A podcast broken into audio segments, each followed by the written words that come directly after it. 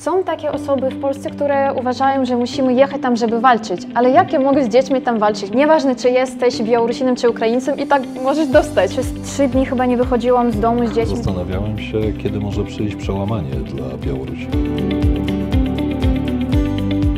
Dzień dobry, witamy Państwa bardzo serdecznie w kolejnym odcinku naszego programu. Dzisiaj z gościnnych wnętrz restauracji La Rosa, znajdującej się w Bydgoszczy przy Placu Kościeleckich. Ze mną Julia Wdienko, ambasadorka Kobiet Kiosk, autorka książki Kolory Wolności. Przy okazji polecę tę książkę, można ją znaleźć na stronie kiosk.pl i w każdym ze sklepów kiosk stacjonarnych w całej Polsce. Dzień dobry. Julia prowadzi kanał Białorusini w Polsce i chyba nie przesadzę, jeśli powiem, że jest najbardziej znaną Białorusinką mieszkającą w Polsce. Oraz Sławek Winiecki, e, wiceprezes grupy kapitałowej Immobile. Dzień dobry. Zacznę od cytatu. Zaciśnijcie zęby i róbcie to, co wam mówię. Te słowa wypowiedział kilka dni temu Aleksander Łukaszenka. Myśmy tutaj w Polsce, mm, co oczywiste, mm, zgubili gdzieś perspektywę białoruską i coraz mniej zajmujemy się Białorusią i coraz mniej mówimy o Białorusi. Choć jak ja obserwuję kanał Julii, to widzę, że y, ten kanał ma swoją stałą popularność i nawet chyba lekki progres ku górze i widzę, że odsłon jest coraz więcej. Natomiast e, od 240 dni, co oczywiste, zajmujemy się głównie mm, e, napaścią rosyjską na Ukrainę i jeżeli mówimy o perspektywie wschodniej, to o Ukrainie, a nie o Białorusi. Mm, Tymczasem Białoruś zawsze była krajem bardzo nam bliskim, zawsze była krajem, w którym działo się dużo rzeczy, które miały również przełożenie na nas, Polaków. E, I może warto wrócić. To jest właśnie okazja, żeby o Białorusi porozmawiać. Aleksander Łukaszenka wymyśla coraz kolejne nowe historie. Tym razem wpadł na pomysł powołania nowego ciała, które się nazywa, muszę sięgnąć do, sięgnąć do ściągi, bo nigdy z tych nazw nie byłem dobry. To jest Wszechbiałoruskie Zgromadzenie Ludowe, które ma się zająć opracowaniem planów rozwoju gospodarczego i społecznego.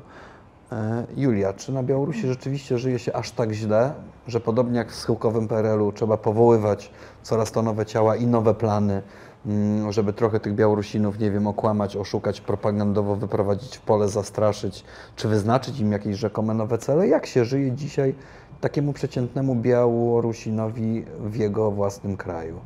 No, ja właśnie mogę powiedzieć na ten temat tylko z perspektywy tego, to znaczy, kiedy mieszkałam tam, nie, przed wyjazdem do Polski, bo już dwa lata tam nie byłam, ale tak ciągle przez to, że mam kontakt z osobami, które nadal tam żyją, bo pracujemy, to znaczy ja pracuję w firmie, która właśnie była założona przez Białorusinów, to koledzy mówią, że sytuacja się pogarsza i pogarsza i z każdym co dzień na co dzień, robi, co dzień robi się gorzej i gorzej.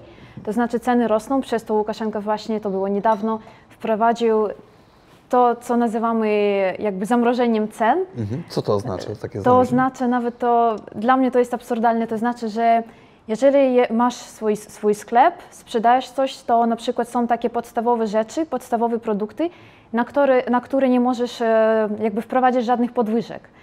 I na przykład jak jakaś tam, e, przepraszam, babcia wejdzie do sklepu i zobaczy, że kurczak e, jest niby, cena jest podwyższona, to ona ma prawo zadzwonić do jakiegoś tam, nie wiem, kontroli jakiejś, która jakby złożyć reklamację, powiedzmy tak, powiedzmy tak, i że ten sklep, nie wiem, właściciel, właściciel tego sklepu dostanie jakiś tam mandat. Rozumiem. To jest absurdalne, bo w W ciągu... najlepszym przypadku mandat, Tak, to znaczy w w niewykluczone, ciągu- że właściciel tego sklepu zginie jak ten kurczak. Właśnie kilka dni, właśnie, ta, tak, to tak wygląda. I właśnie kilka dni temu sprawdziłam, to była jakaś wiadomość z tych państwowych kanałów i było powiedzia- powiedziano, że w ciągu dwóch dni, chyba tygodnia, coś takiego, że pię- e, 500, więcej nawet niż 500 takich reklamacji było złożone przez obywateli. E, To jest, to jest dla mnie absurdalne. E, No mogę powiedzieć tak, że jeszcze wcześniej, gdy tam mieszkałam, to sytuacja, zwłaszcza sytuacja, jeżeli mówimy o emerytach, wyglądało bardzo źle, bo wiadomo, że emerytura była bardzo niska i takie dziadkowie, nie babci, to oni musi, musieli po prostu dorabiać, to znaczy dorabiać, no jakoś się utrzymywać przez, e, nie wiem, uprawianie swych, ogród, swych ogrodów, nie, jakieś tam e, warzywa, owoce mieli w, w tych ogrodach, bo po prostu ta pensja, te, to znaczy e, emerytura po prostu nie, nie, nie była wystarczająco duża, nie? Mówimy o miastach dużych i tak dalej, czy mówimy ró- również o mniejszych miejscowościach, gdzie chyba Mm. jest jeszcze gorzej? W mniejszych miejscowo- miejscowościach to na pewno, e, na pewno jest gorzej, ale mogę powiedzieć, że w Mińsku też nie wygląda to tak kolorowo, bo na przykład patrząc nawet na emerytów w Polsce, nie, to ja widzę, że oni wyglądają zupełnie inaczej, nie? To znaczy nawet wygląd jest zupełnie inny. Czym się różnią? Różnią na przykład ubraniami, bo u nas e, na Białorusi w Mińsku też, szczególnie nie w centrum miasta, tylko w takich, to znaczy takich, w takich dzielnicach, które są oddalone od e, centrum miasta, zakładają takie chusteczki i te ubrania wszystkie wygląda, wygląda tak, że nie wiem, słyszałam, że w Polsce tak było z czasów PRL-u, że na przykład moja babcia też tak miała, prezentujesz jakieś tam ubranko na urodziny i ona po prostu to wszystko do szafki, do szafki, żeby na ten lepszy dzień czeka, to wszystko, no i widać, że te ubrania niby są ok, ale jeszcze z tych czasów, bo ta babcia już chyba doczekała się na ten czas, gdy może już wydostać te ubranie i założyć, nie? No także wygląda tak, no nie za bardzo kolorowo. Poza tym teraz słyszę, że na przykład jeżeli chodzi o biznes, to takie kawiarni, kawiarnie, różne restauracje, bary, to wszystko się zamyka bo wiadomo, że mają trudno i te ciągle te reklamacje, e, sprawdzanie jakieś tam, nie, jakieś tam kon, kontrole różne. Inspektorzy do spraw Sensławku, jakże to znajomo brzmi, prawda? Oczywiście analogie, e, analogie powinny dodawać otuchy Białorusinom, bo my przeżywaliśmy to samo w końcówce lat 80. E, u nas ówczesny dyktator działający na zlecenie e, Związku Radzieckiego wtedy, czyli generał Jaruzelski, powoływał Wojskową Radę Ocalenia Narodowego, e, której celem była e, oczywiście nie ocalenie narodowe, tylko kontrola e, końcówki e, ustrojowej. E, W, w zasadzie e, znamy ten scenariusz i w, jeśli potoczy się ta historia, tak jak potoczyła się u nas, no to niewiele zostało Białorusinom do dnia osiągnięcia e, wolności, przynajmniej od dyktatora. To jakiś optymistyczny wniosek, ale też pamiętamy te czasy, y, kiedy Julia powiedziała, ja przynajmniej je pamiętam, a jesteśmy z tego samego rocznika, kiedy no, można było przetrwać i przeżyć dzięki temu, że ktoś miał na przykład ogródek, bo jeżeli go nie miał, to był... Jasne, jasne. był problem. E, Jasne. E, ży- Żyliśmy w, w PRL-u, my byliśmy nastolatkami już bardzo świadomymi, kiedy upadał komunizm. E, Oczywiście widzieliśmy cuda w tamtym czasie. Jest e, e, kilka cudów e, minionej epoki w Polsce. Pierwszy cud jest taki, że wszyscy mieli pracę wtedy. Nie wiem, jak jest na Białorusi. No, na Białorusi, jeżeli chodzi o pracę, to tak trudno mi, trudno mi powiedzieć, ale mogę powiedzieć tak, że teraz e, niektóre osoby zostają zwolnione przez to, szczególnie jeżeli masz kartę Polaka. Bo Nie, to no, jest oczywiście, no, z przyczyn politycznych oczywiście wtedy też były Tak. zwolnienia. Natomiast pomimo tego, że wszyscy mieli pracę, niewiele osób uczciwie pracowało. pomimo tego, że niewiele osób uczciwie pracowało, to plany, które nakładała partia czy dyktatorzy, e, były wykonywane w 110%. To jak u Pomimo tego, pomimo tego, że plany były wykonywane w 110%, nic nie było w sklepach na półkach. Pomimo tego, że nic nie było w sklepach na półkach, wszyscy mieli wszystko. Są po prostu cuda, które w końcówce systemu działały, e, działały dokładnie tak. Nie wiem, czy e, plan analogiczny realizuje się w tej chwili na Białorusi. No chyba tak. W ogóle ja uważam, że ta cała jednostka, nie mogę tak powiedzieć, ta, co to jest, kon- kontrola jakaś, czy, co to będzie, ona była stworzona właśnie dlatego, żeby, bo Łukaszenka ciągle, mi tak się wydaje, nie, że ciągle tak, e, to znaczy e, tworzył swój wizerunek przed narodem, przed prostymi ludźmi, to znaczy raczej powiedzmy takimi, takimi niewykształconymi ludźmi, nie? Że zawsze może kogoś tam powołać, powiedzieć, że a, no to mój rozkaz nie został wykonany, przez to no, po prostu dostaniesz karę i będziesz zwolniony, zwolniony z pracy czy, czy, coś- czy, coś jeszcze i powie, e, poniesiesz odpowiedzialność. I w, ta, w takim razie naród po prostu widzi, że on niby broni nas, nie? Że on chce, żeby było lepiej, a ci... No to jakieś pozory. No e, tak, jakieś tak. pozory. Myślę, że e, ci, którzy dowodzili e, PRL-em w końcówce, również robili takie pozory.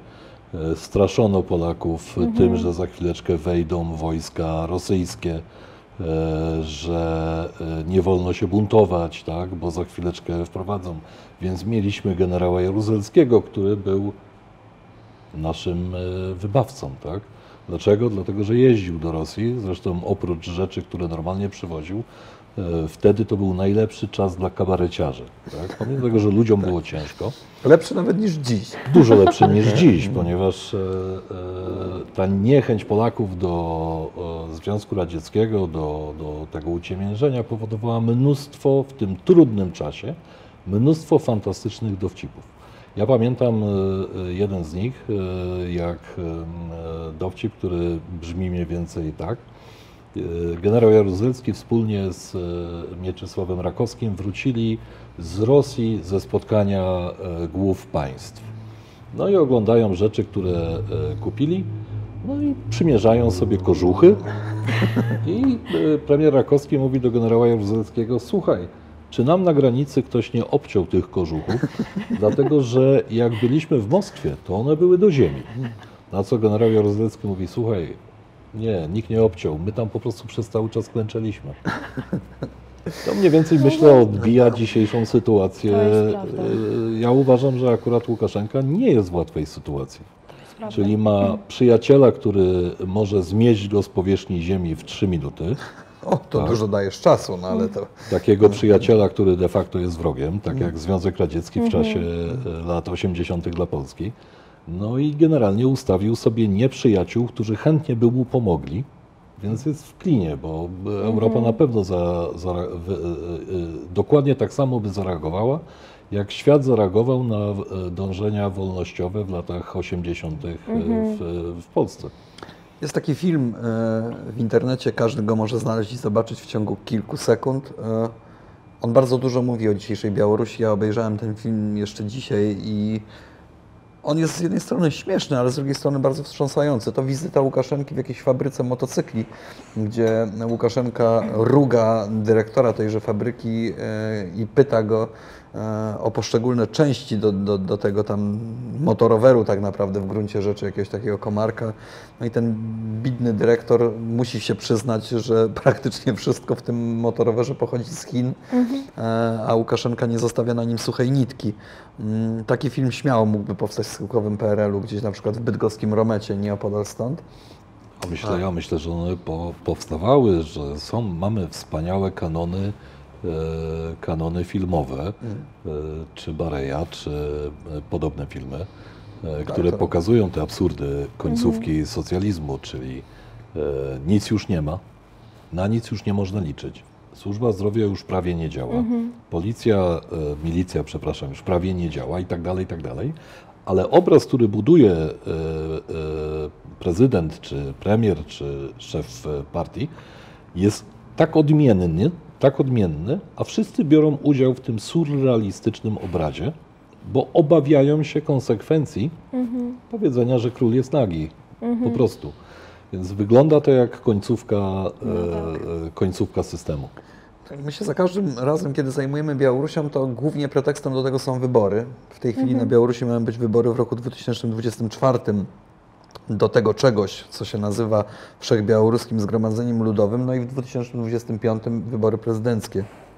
Te poprzednie wybory pewnie na długo zapamiętasz, bo No wtedy tak. jeszcze na Białorusi byłaś. Tak, oczywiście. E, no. Co się wtedy działo tak naprawdę? Dzisiaj z perspektywy, z dystansu, co możesz powiedzieć? Jak no właśnie, wiesz wspominasz? co? Czasami tak jak sobie przypominam, co tam się działo, to tak może e, jakby e, zrobić taką paralel, mogę tak powiedzieć, Tak. e, między jakby tym, co się dzieje na, na Ukrainie, w Ukrainie, okej? To znaczy tak jak, jak zachowują się te wojska rosyjskie. Mhm. To znaczy e, Ukraińcy tak się dziwią e, i są po prostu wystraszeni przez to, co oni tam jakby Wyrabiają. wyprawiają. Tak, to znaczy ten cały gwałt, nie, te, te straszne rzeczy, ale tak naprawdę w naszych więzieniach robiło się, działo się po prostu to takie same rzeczy. Bo gwałcili ludzi, nie? E, mordowali ludzi, nie wiem, e, ro, różne tortury, bo ja właśnie pracowałam tam jako wolont- wolontariuszka, nie? Mówiłam Tam to wcześniej. znaczy w. To znaczy nie w samym, nie w środku, bo tam no, nie wolno tam wchodzić, nie? A przy tym, e, przy tych ścianach, bo czekaliśmy, mówiłam, że tam mieliśmy takie różne namioty, pod którymi był, e, nie wiem, psycholog, nawet Mhm. Czyli byłaś wolontariuszką przy murze więziennym w No namiocie, tak, to znaczy, bo nigdy nie wiesz, w jakim stanie wyjdzie ta osoba, nie z tego więzienia. I Mhm. w Trzeba jakim było... stanie one wychodziły? No w różnych stanach wychodzili, to znaczy byli ci, którzy po prostu musieli, no trzeba było dzwonić na karetkę, nie, żeby pogotowie przyjechało, bo no wiadomo, tam straszne rzeczy działy się, także dla mnie to wcale nie jest zaskakujące to, chociaż to jest, to brzmi chyba tak cynicznie, nie wiem, E, To, to, co się dzieje teraz na Ukrainie, co widzimy, to jest tak naprawdę dla mnie no, nie jest żadnym zas- zaskoczeniem, bo ten system, który jest na Białorusi i ten system, który jest w Rosji, to dla mnie jest no, to samo, nie? To są ta, takie same rzeczy. Jeżeli chodzi o wojnę mm, i o napaść Rosjan na Ukraińców, Białoruś odgrywa w ogóle jakąkolwiek rolę w, tym, w tej machinie, czy nie? Jak to wygląda z perspektywy Białorusina? Czy rzeczywiście na Białorusi, na, nie wiem, na ten temat się rozmawia, Białorusini się tego obawiają? Ta mobilizacja tak zwana pod pozorem y, ćwiczeń, ona rzeczywiście zajmuje Białorusinów, czy nie? Y, Bobruisk leży około 200 km od granicy ukraińskiej, a zupełnie niedaleko od Bobruiska jest y, lotnisko, ono się nazywa Ziabrówka, nie wiem, czy dobrze powiedziałem. Tak, tak, tak, dokładnie. Czytam depeszę z wczoraj, że na tej Ziabrówce no, jakieś ogromne wzmożenie, ogromny ruch, e, bardzo dużo samolotów wojskowych. Czy Białoruś jest w ogóle świadoma jakaś tej wojny, czy jak to się tam odbywa i jak to wygląda pod kątem propagandowym? No wiesz co, moja wizja wygląda tak, to jest taki łańcuch, nie? Mi się wydaje, że przez to, bo ja jestem przekonana, że większość Białorusinów zagłos, zagłosowała na, e, to znaczy Cichanowską, nie? Nie na Łukaszenkę, chociaż sporo, spory procent zagłosował też na Łukaszenkę, to znaczy, nie wiem, 30, być może 40%, no założmy, że to będzie 40% nawet, nie? I mi się wydaje, że większość ci, e, tych Białorusinów, którzy tam zostali, oni się boją. E, to znaczy, po prostu możesz sobie spacerować gdzieś tam na ulicy, na zewnątrz. Milicja może cię zatrzymać i sprawdzić twój telefon. To znaczy, sprawdzają, jakie tam kanały, jak, jakie kanały masz, co, co, co Bierze czytasz. komórkę, Tak, tak to, to jest normalne, tak, to jest normalne. Dlatego mi się wydaje, że większość się boi, ale ci, którzy wyjechali i którzy na przykład jak ja dzwonię do kogoś i rozmawiam, to tak Białorusini, normalni Białorusini, którzy głosowali e, na Cichanowską, rozumieją, że Białoruś tak naprawdę, naprawdę jest zaawansowana w to, co się dzieje na, w Ukrainie, nie? Przez to, że no przecież wojska rosyjskie są na terenie Białorusi, także nie możemy powiedzieć, że jakby my jesteście, jesteśmy gdzieś tam, nie Daleko wiem, obok, boku, daleko tak? czy z boku, tak i nie. To znaczy nasz, nasz kraj jest zaawansowany w, to, w tym, co się dzieje na, na, w Ukrainie. E, I Białorusini tak naprawdę jakby rozumieją to wszystko, nie? Nawet pamiętam kiedyś rzuciłam na Instagrama e, w stories e, taki że musimy coś zrobić i ci, którzy zostali na Białorusi mu, muszą jakoś zareagować. No i taka dziewczyna, to znaczy moja była studentka z e, Uniwersytetu Lingwistycznego napisała do mnie, jakieś tam zarzuty miała, a co Ukraina, kiedy mieliśmy protesty, oni, protesty, oni te, też ni, nic, nic nie robili. Ja mówię, no Krzysia, ale przecież nasz kraj jest zaangażowany w tym wszystkim. A ona mówi, i co z tego? No także ci, którzy tam zostali, ta część, która głosowała na Łukaszenkę, tak naprawdę nie rozumieją, że Białoruś jest da, zaangażowana. Dla nich e, ten fakt, że wojska rosyjskie są na terenie Białorusi, nic nie znaczy. E, Oni po prostu myślą, że dopóki nie spadną im bomby na głowy, dopóki e, jakby na, nasz, nasi żołnierze nie biorą e, udziału w tej wojnie, wojnie, to nie jesteśmy zaangażowani. Ale ta większość, dla mnie, ta większość, która rozumie o co chodzi, tak naprawdę no, rozumie, że no, my też, jakby my, no, nasze państwo, w sensie nie? wasze państwo. Tak. E, gdzieś to Sławku tak też znajomo brzmi, nie? To... Wszystko przeżyliśmy. E, Wcześniej wojska rosyjskie z terenu Polski wycofały się 93, w 1994. przepraszam. Tak. Czwarty. E, 1994, kiedy w 1989 odbywały się wolne wybory. E, To pokazuje, że te e, wojska mieliśmy przez cały czas. No, nikt oczywiście Polski nie postrzegał jako e, e, polskiego agresora. Więc ja bym nie był tak surowy, e, znając naszą historię w ocenie sytuacji. Żołnierza rolą jest e, wykonywanie rozkazów. Nie za bardzo może decydować o tym, który rozkaz jest zbieżny z przyszłym interesem e, Białorusi, który Szczególnie nie jest. kraju. bardziej, że, tym bardziej, że akurat e, wojska są zawsze sztywno połączone z, zawsze były białoruskie wojska sztywno połączone z Kremlem i z działaniami Kremla. E, Nam transformacja w, e, w, w, w wojsku zajęła 20 lat. Zanim weszliśmy do NATO, zanim dostosowaliśmy infrastrukturę, zanim e, zlikwidowaliśmy. Ja myślę, że na Białorusi i w, w Moskwie już pewnie to wiedzą, ale na Białorusi, tak jak i my dowiedzieliśmy się, że nie jesteśmy potęgą z poniedziałku na wtorek, bo mniej więcej taka była doktryna. Ja byłem akurat w służbie czynnej. E, Służyłem w tym czasie, w 95-6 roku. No to wojsko wyglądało makabrycznie, e, ale 10 lat wcześniej my mieliśmy półmilionową armię. Nam wtłaczano, że nasza armia jest jedną z najpotężniejszych współdziałających ze Związkiem Radzieckim i tak dalej, i tak dalej, i tak dalej. Ten obraz w momencie, kiedy Związek Radziecki stracił e, e, panowanie nad Polską, to ten obraz zmienił się dramatycznie, drastycznie, w, właściwie w jedną noc, można by powiedzieć. Tak, to się Myślę, szybko dzieje. Myślę, że tak. Myślę, że jeżeli tylko e, Białoruś wydostanie się spod dyktatu Moskwy, bo, bo szczerze mówiąc, ja nie, osobiście nigdy nie uważałem, czy generała Jaruzelskiego, czy tu znak równości e, e, prezydenta Łukaszenki, nigdy nie uważałem za samodzielne osoby. Tak? On być może w przyszłości jego działania będą oceniane nieco bardziej łagodnie, jeżeli poznamy historię tajnych archiwów i, i planów Moskwy co do Białorusi, bo e, w Polsce do dziś jest wiele osób, które uważają, że generał Jaruzelski, który e, dla wielu był dyktatorem, pewnie z 30-40%, A na wielu był bohaterem. E, Dla wielu był bohaterem, bo obronił Polskę przed napaścią Związku Radzieckiego, tak? Więc może być różnie. To e, myślę, że ten film przetrwa, to musimy, e, musimy o tym pamiętać. Tak, i na pewno kiedyś do niego wrócić. Julia, myślisz, że to jest możliwe i to jest realne? Ty wierzysz gdzieś w duszy, w głębi siebie. Przecież byłaś na tych protestach, protestowałaś razem ze swoją rodziną, stałaś na manifestacjach. E, Zresztą opisujesz w książce Kolory Wolności bardzo dramatyczne sytuacje, gdzie twój brat rodzony stał po drugiej stronie barykady, ponieważ służył wojsku i e, widziałaś go po drugiej stronie barykady i to jest dramatyczne przeżycie. W Polsce w tamtych latach też wiele rodzin e, podobne przeżycia miały.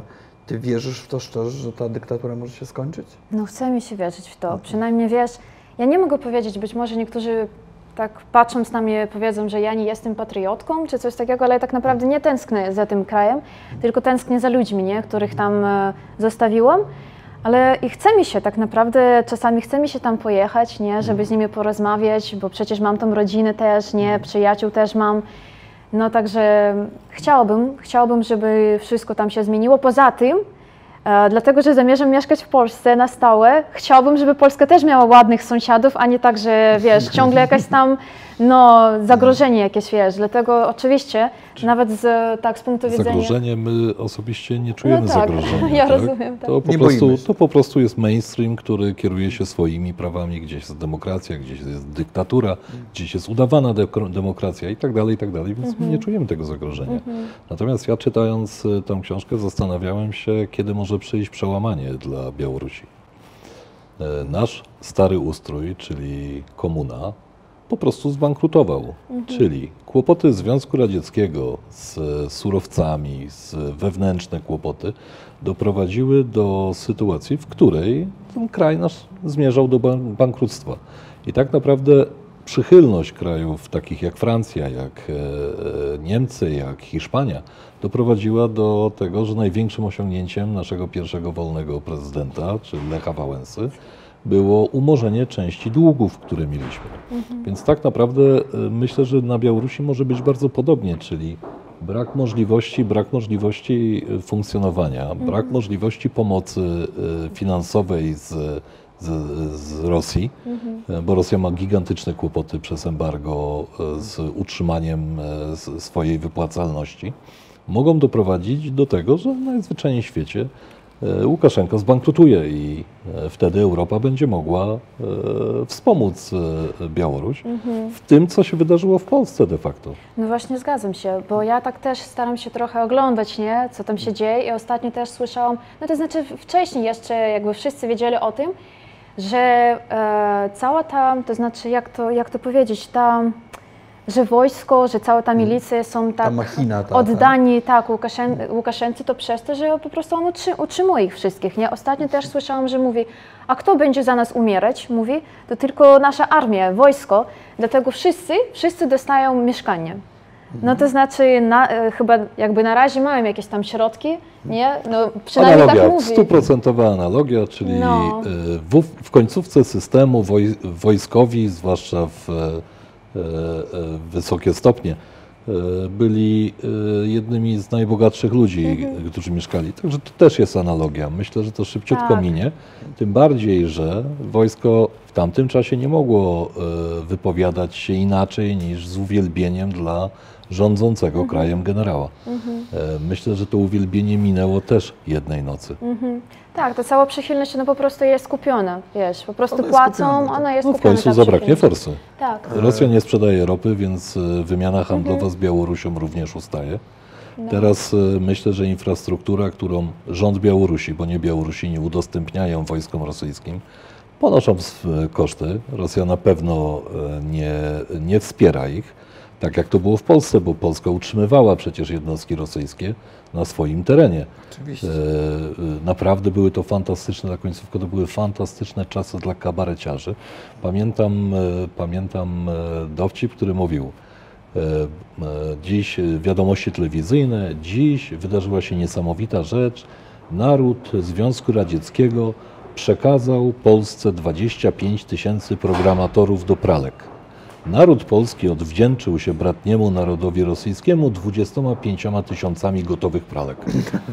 I tak wyglądała ta wymiana handlowa w końcówce, więc myślę, że po prostu e, splajtuje system, tak? Może nie ludzie, ale splajtuje system. A wierzę w to, że jesteśmy tak blisko z Białorusią historycznie, że ten proces transformacji będzie wyglądał dokładnie jak e, u nas. Mam nadzieję, że nie popełnią Białorusini tych błędów, które my mhm. popełniliśmy. No tak. Przypomnę Państwu tylko, że korzystamy dzisiaj z gościnnych wnętrz restauracji La Rosa. Te odgłosy życia, które słychać e, podczas nagrywania naszego odcinka, no ta restauracja po prostu żyje i ma się świetnie, stąd e, takie odgłosy mogą troszeczkę może zakłócać nasz program. Jeżeli chodzi o Białoruś, mam jedną taką wątpliwość i jedno takie pytanie.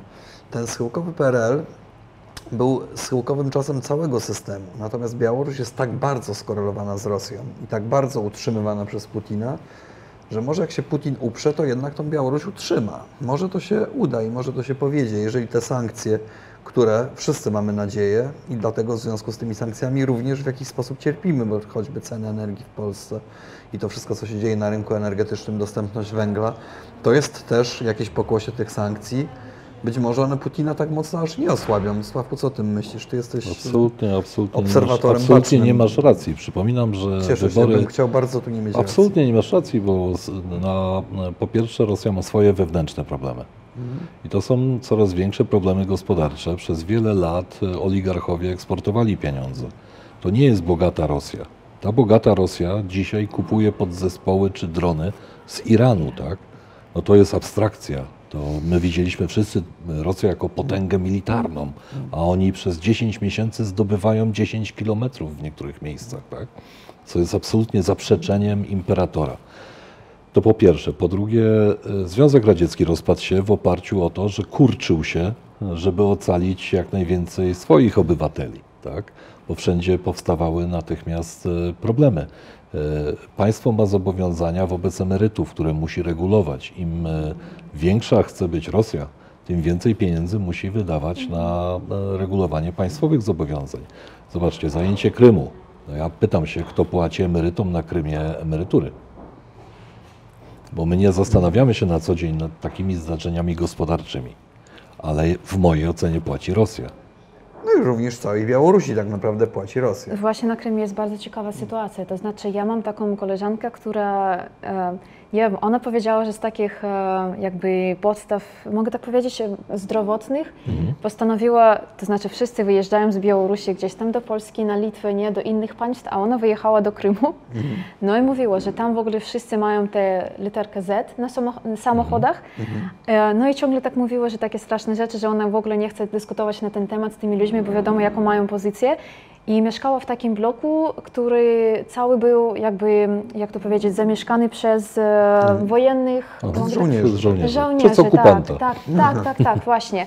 Ale trochę później powiedziała, to jeszcze było przed tym wybuchem na moście, powiedziała, że teraz wszyscy się jakby obawiają, no, boją się przez to, że zacznie jeszcze przed mobilizacją, że e, zacznie się mobilizacja i teraz wszyscy już e, jakoś tak zaczynają sprzedawać swoją majomość, no wiesz, swoje majątki, żeby po prostu uciekać. Ja mówię, no to ciekawe Miłość jest, nie jest trwała do tak, okupanta. Tak, tak, tak, że wszyscy mają niby taki, taki Ale w ogóle fantastyczny pomysł. Y, Problemy zdrowotne z adrenaliną miała, bo Nie, to znaczy ona powiedziała, że jej córka, bo ona ma córkę, ma jakiś tam problem zdrowotny i przez to, że tam jest morze i okej. że cały ten klimat i, i w ogóle wszystko jest. dość ciekawy pomysł. Wygląda Właśnie. jakby, wygląda jakby po prostu nie była w stanie pobudzić adrenaliny i dlatego wybrała to No miejsce. właśnie, to jest Zdecydowanie którego- pobudziła. Ale już je- je- jeżeli chodzi o adrenalinę, to mm, patrzę na tę książkę i mm, ta książka jest zapisem pierwszego roku pobytu Twojej w Polsce. I e, jak wspominam tę książkę, to rzeczywiście poziom adrenaliny u Ciebie przez pierwszy rok pobytu w Polsce był niesamowity. Wszystko Ci się bardzo podobało. E, Dzisiaj w Polsce już mieszkasz ponad dwa lata. Mm.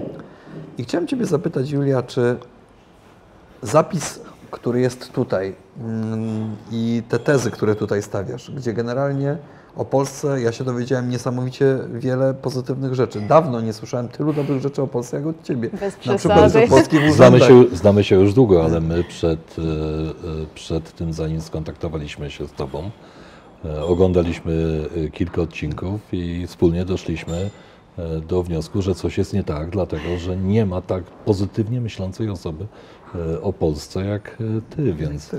Tak, to, to, to naprawdę było niesamowite. I e, to jest bardzo cenna lekcja, bo myślę, że wielu czytelników tej książki e, po przeczytaniu jej powiedziało, no nie jest z nami tak najgorzej, może my zbyt krytycznie to oceniamy i tak dalej. Ale chciałbym Ciebie zapytać, po dwóch latach e, mieszkania tutaj w Polsce, podtrzymujesz te tezy? To rzeczywiście jest tak fajnie? Tak. I cały czas e, tak bardzo Ci się podoba? Tak, to znaczy dla mnie najważ- najważniej, najważniejsza rzecz to jest ludzie, jak mówiłam wcześniej. I co rok e, ta ilość ludzi, e, którzy jakby otaczają mnie, przyjaciele, ona się mnoży.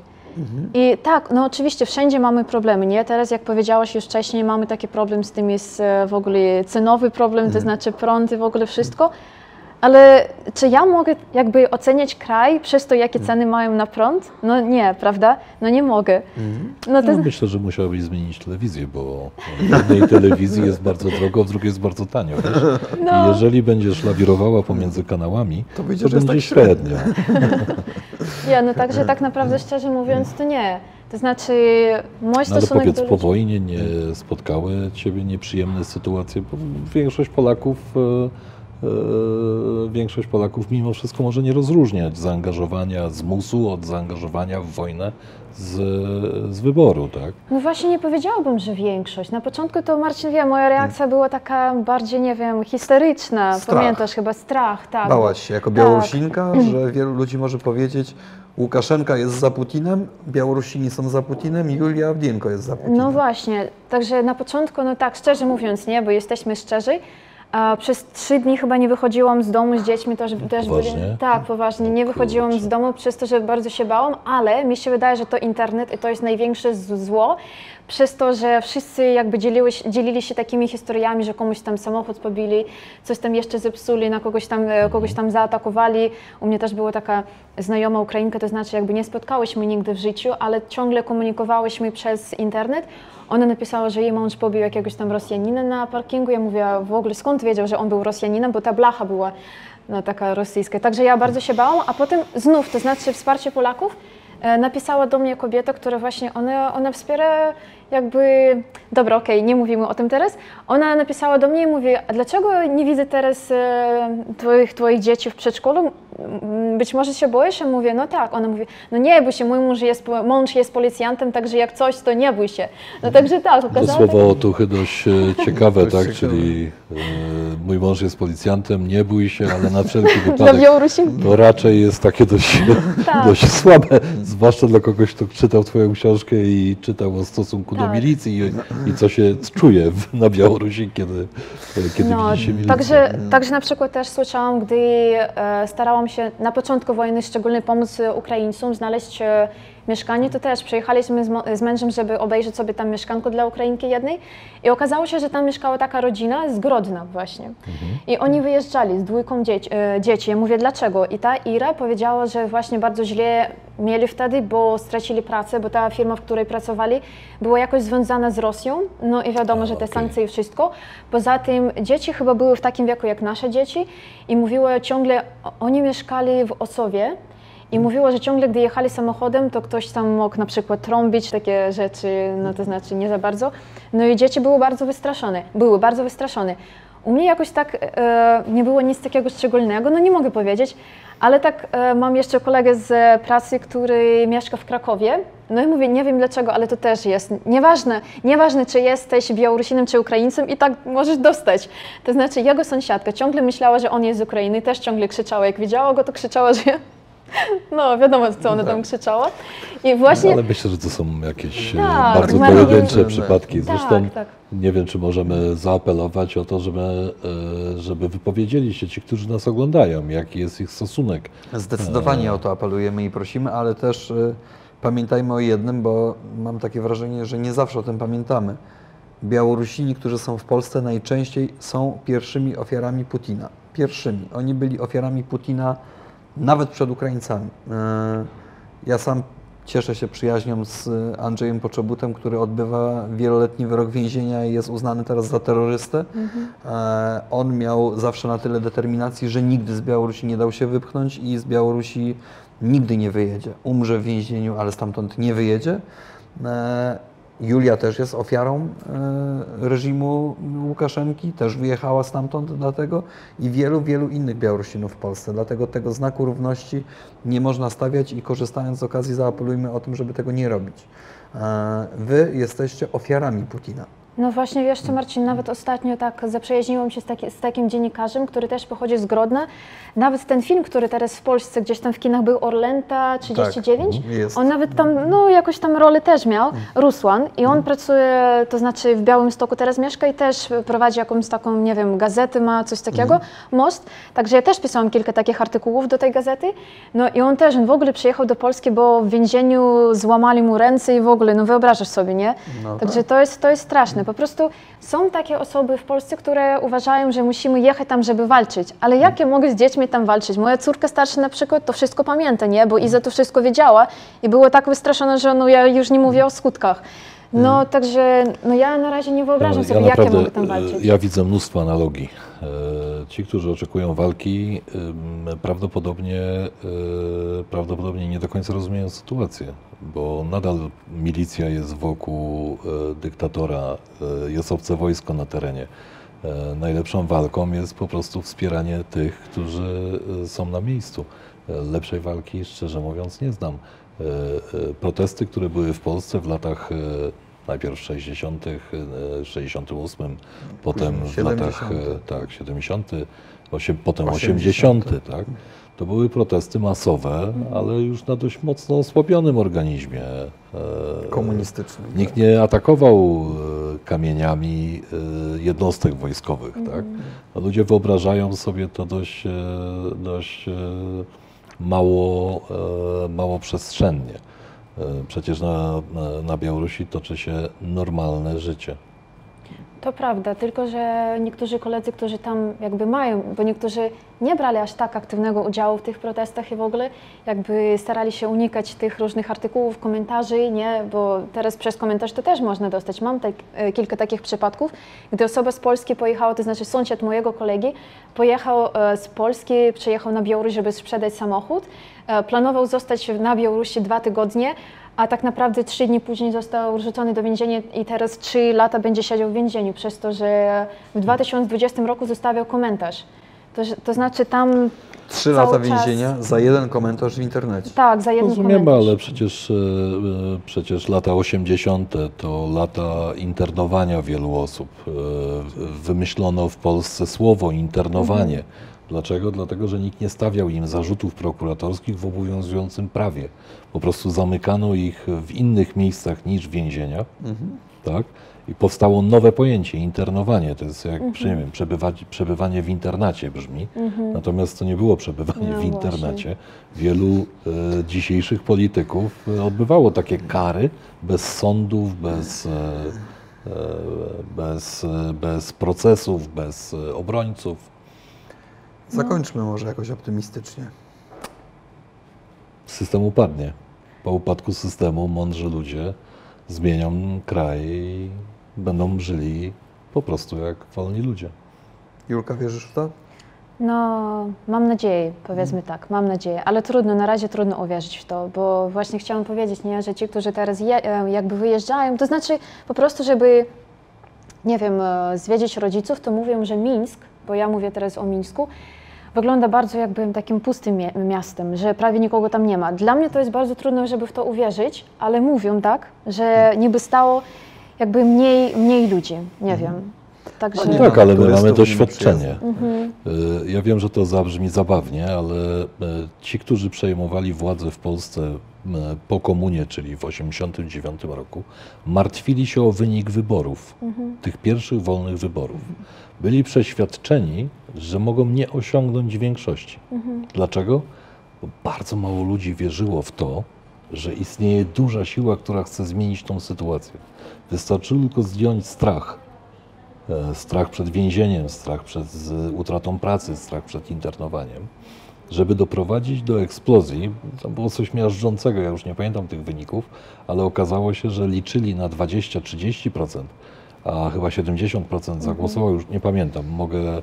No w tych pierwszych wyborach, jeżeli chodzi o te wybory, które były e, w części jakby całkowicie wolne, czyli wybory do Senatu, to na 100 mandatów senackich 99 mm, przynależało do strony niekomunistycznej. Choć obawiali się, że nie będzie większości, Że nie będzie czyli było bardzo mało osób. No, system opresyjny niestety e, pozbawia obywateli możliwości wiary w jego zmianę. No to demokracja jest tą e, zmianą i demokracja jest systemem, który, e, który obiecuje zmianę.